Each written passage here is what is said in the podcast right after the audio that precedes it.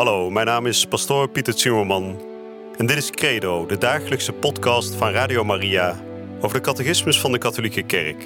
Samen dringen we elke dag een beetje dieper door in het prachtige plan van liefde dat God met elk van ons heeft. Laat je inspireren en ga met ons mee op deze avontuurlijke reis door het geloof.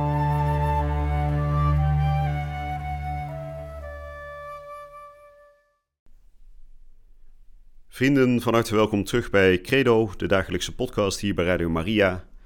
Waar we deze dagen aan het kijken zijn naar het geloofsartikel dat spreekt over de katholieke kerk. We hebben de afgelopen weken gesproken over de andere artikelen uit de geloofsbeleidenis. En inmiddels zijn we aanbeland bij dat belangrijke artikel dat spreekt over de stichting van de kerk door Jezus Christus. En wat is die kerk nou eigenlijk precies? Nou, in de vorige uitzending hebben we gesproken over de kerk als ecclesia, van het Griekse ekkaleo, dat uitroepen betekent, wegroepen naar buiten. Dus weg uit het oude leven en geroepen naar die schaapstal, die schaapskooi van Jezus Christus. We hebben ook gehoord waar ons woord kerk vandaan komt, kuriake, namelijk zij die de Heer toebehoort. We weten de kerk is de bruid van God. En we hebben meerdere beelden gehoord, meerdere benamingen gehoord voor de kerk, zoals de schaapstal, zoals ik net al zei, Gods akker, Gods bouwland. En zo zijn er tal van beelden die de kerk symboliseren. Ehm, het volk van God wordt de kerk ook wel genoemd. En we gaan vandaag kijken welke namen de kerk nog meer heeft. De kerk is blijkbaar, um, heeft blijkbaar zoveel facetten dat er ook verschillende namen nodig zijn om precies te omschrijven wat die kerk van God nou eigenlijk is. Nou, ik ga zoals gebruikelijk weer beginnen met een gebed. Ik zal bidden vandaag een gebed speciaal voor de Heilige Kerk. En daarna ga ik uh, behandelen de nummers 756 tot en met 762. Maar we zullen dus eerst beginnen met gebed. In de naam van de Vader en de Zoon en de Heilige Geest. Amen. Heer, wij bidden voor uw heilige kerk dat u, onze God en Heer, haar over heel de wereld vrede en eenheid brengt. Dat in ons leven tijden van rust en stilte mogen komen, tot verheerlijking van u, God, Almachtige Vader. Almachtige, eeuwige God, in Christus hebt gij uw heerlijkheid aan alle volken geopenbaard. Waak over het werk van uw barmhartigheid. Geef dat uw kerk verspreid over heel de wereld, stand houdt in de beleidenis van uw naam. Dat vragen we u door Christus, onze Heer. Amen. En ik lees voor de nummers 756 tot en met 762. Heel vaak wordt de kerk ook Gods bouwwerk genoemd. De Heer heeft zichzelf vergeleken met de steen die door de bouwlieden is afgekeurd en die de hoeksteen is geworden. Op dit fundament bouwden de apostelen de kerk. En vanuit dit fundament ontvangt zij hechtheid en samenhang. Dit bouwwerk wordt op verschillende manieren aangeduid. Huis Gods, waarin zijn familie woont, de woonsteden van God in de geest, Gods woning onder de mensen, en vooral de heilige tempel, die, vertegenwoordigd door heiligdommen van steen, het voorwerp is van de lof van de heilige kerkvaders en in de liturgie terecht vergeleken wordt met de heilige stad, het nieuwe Jeruzalem. Wij zijn immers in haar hier op aarde als de levende stenen, die in de bouw worden ingevoegd. Deze heilige stad ziet Johannes uit de hemel van God neerdalen op het uur dat de wereld zich zal vernieuwen. Gereed als een bruid die zich voor haar man heeft getooid. De kerk wordt ook nog het Jeruzalem van omhoog en onze moeder genoemd. Zij wordt beschreven als de vlekkeloze bruid van het vlekkeloos lam, die Christus heeft liefgehad, voor wie hij zich heeft overgeleverd om haar te heiligen. Die hij door een onverbreekbaar verbond aan zich gebonden heeft, die hij niet ophoudt te voeden en te koesteren. Oorsprong, stichting en zending van de kerk. Om het mysterie van de kerk te doorgronden, moet men allereerst nadenken over haar oorsprong in het helsplan van de heiligste drie-eenheid en over haar geleidelijke verwezenlijking in de geschiedenis. Een plan geboren in het hart van de Vader. De eeuwige Vader heeft door de absoluut vrije en mysterieuze beschikking van zijn wijsheid en goedheid heel de wereld geschapen.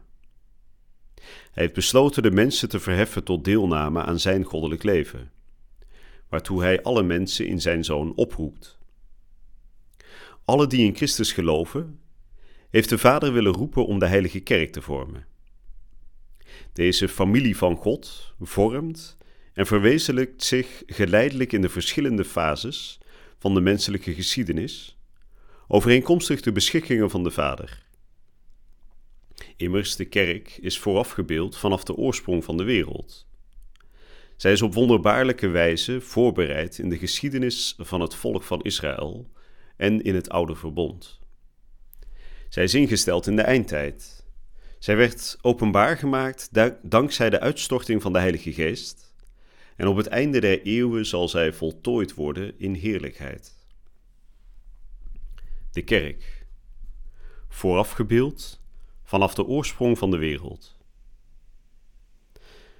De wereld werd met het oog op de kerk geschapen, zeiden de christenen uit de eerste tijden. God heeft de wereld geschapen met het oog op de deelname aan zijn goddelijk leven. Een deelname die verwezenlijkt wordt door het bijeenroepen van de mensen in Christus. En dit bijeenroepen is de kerk. De kerk is het doel van alles.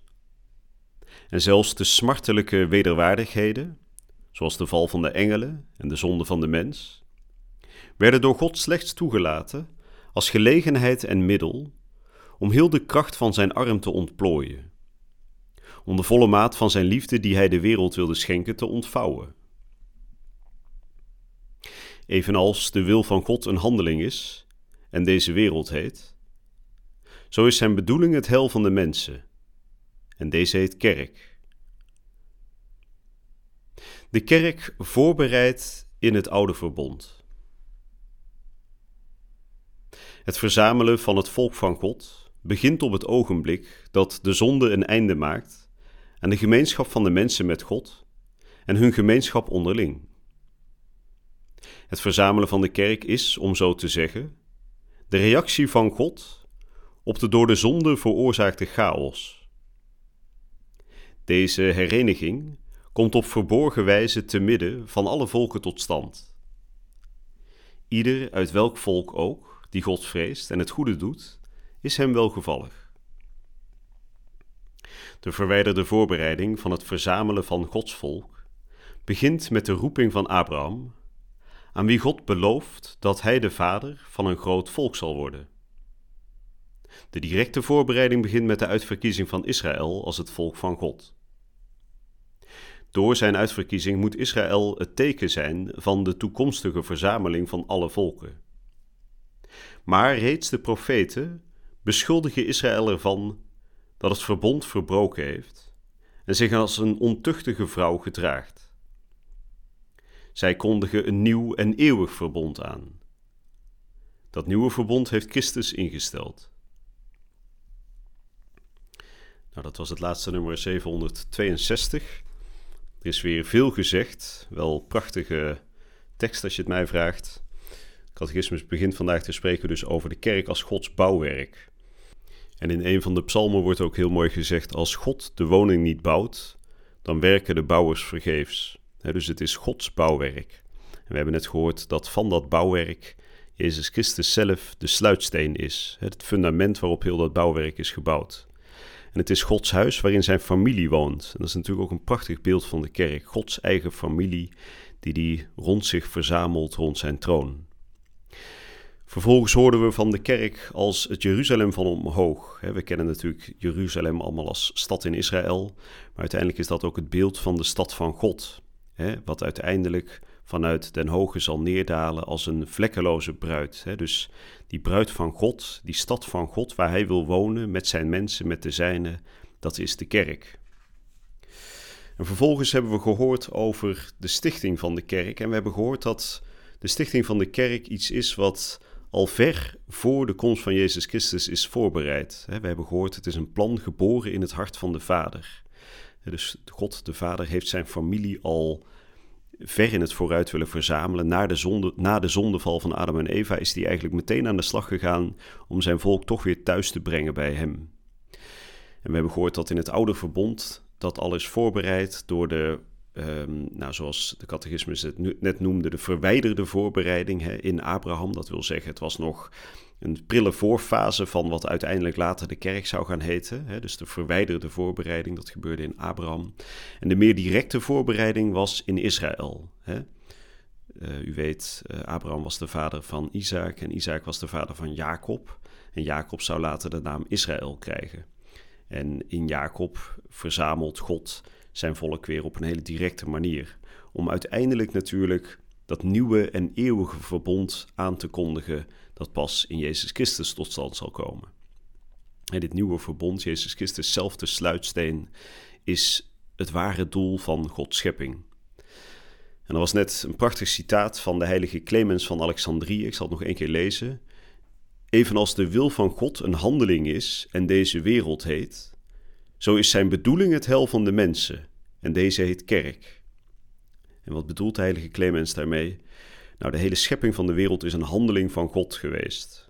Maar in die handeling van het scheppen van de wereld zit nog niet heel duidelijk zijn bedoeling. Die bedoeling wordt pas duidelijk in de kerk, in het feit dat hij alle mensen en alle goede engelen wil verzamelen rond zijn liefdevolle hart. Dus de bedoeling van die handeling, van die schepping van de wereld, is het hel van de mensen. En dit heet, dus die, die bedoeling, dat heet de kerk. Aldus Clemens van Alexandrië. Dus in de kerk wordt Gods scheppingsplan duidelijk en wordt de bedoeling van de Vader zichtbaar. Nou, prachtig beeld. We zullen het daarvoor vandaag bij laten en ik hoop u weer te ontmoeten hier bij de volgende uitzending van Credo. Je luisterde naar Credo, de dagelijkse podcast van Radio Maria over de catechismus van de Katholieke Kerk. Credo is iedere werkdag te beluisteren op Radio Maria. Maar je kunt de afleveringen ook in je eigen tempo terugluisteren op onze website, in de app of op Spotify en de andere platforms. Via de website radiomaria.nl vind je dagelijks de link om de bijbehorende teksten uit de catechismus mee of terug te lezen. We zijn erg dankbaar voor alle giften die wij mogen ontvangen. Daardoor kunnen we ons goede werk blijven doen. Draag je ook bij aan deze missie?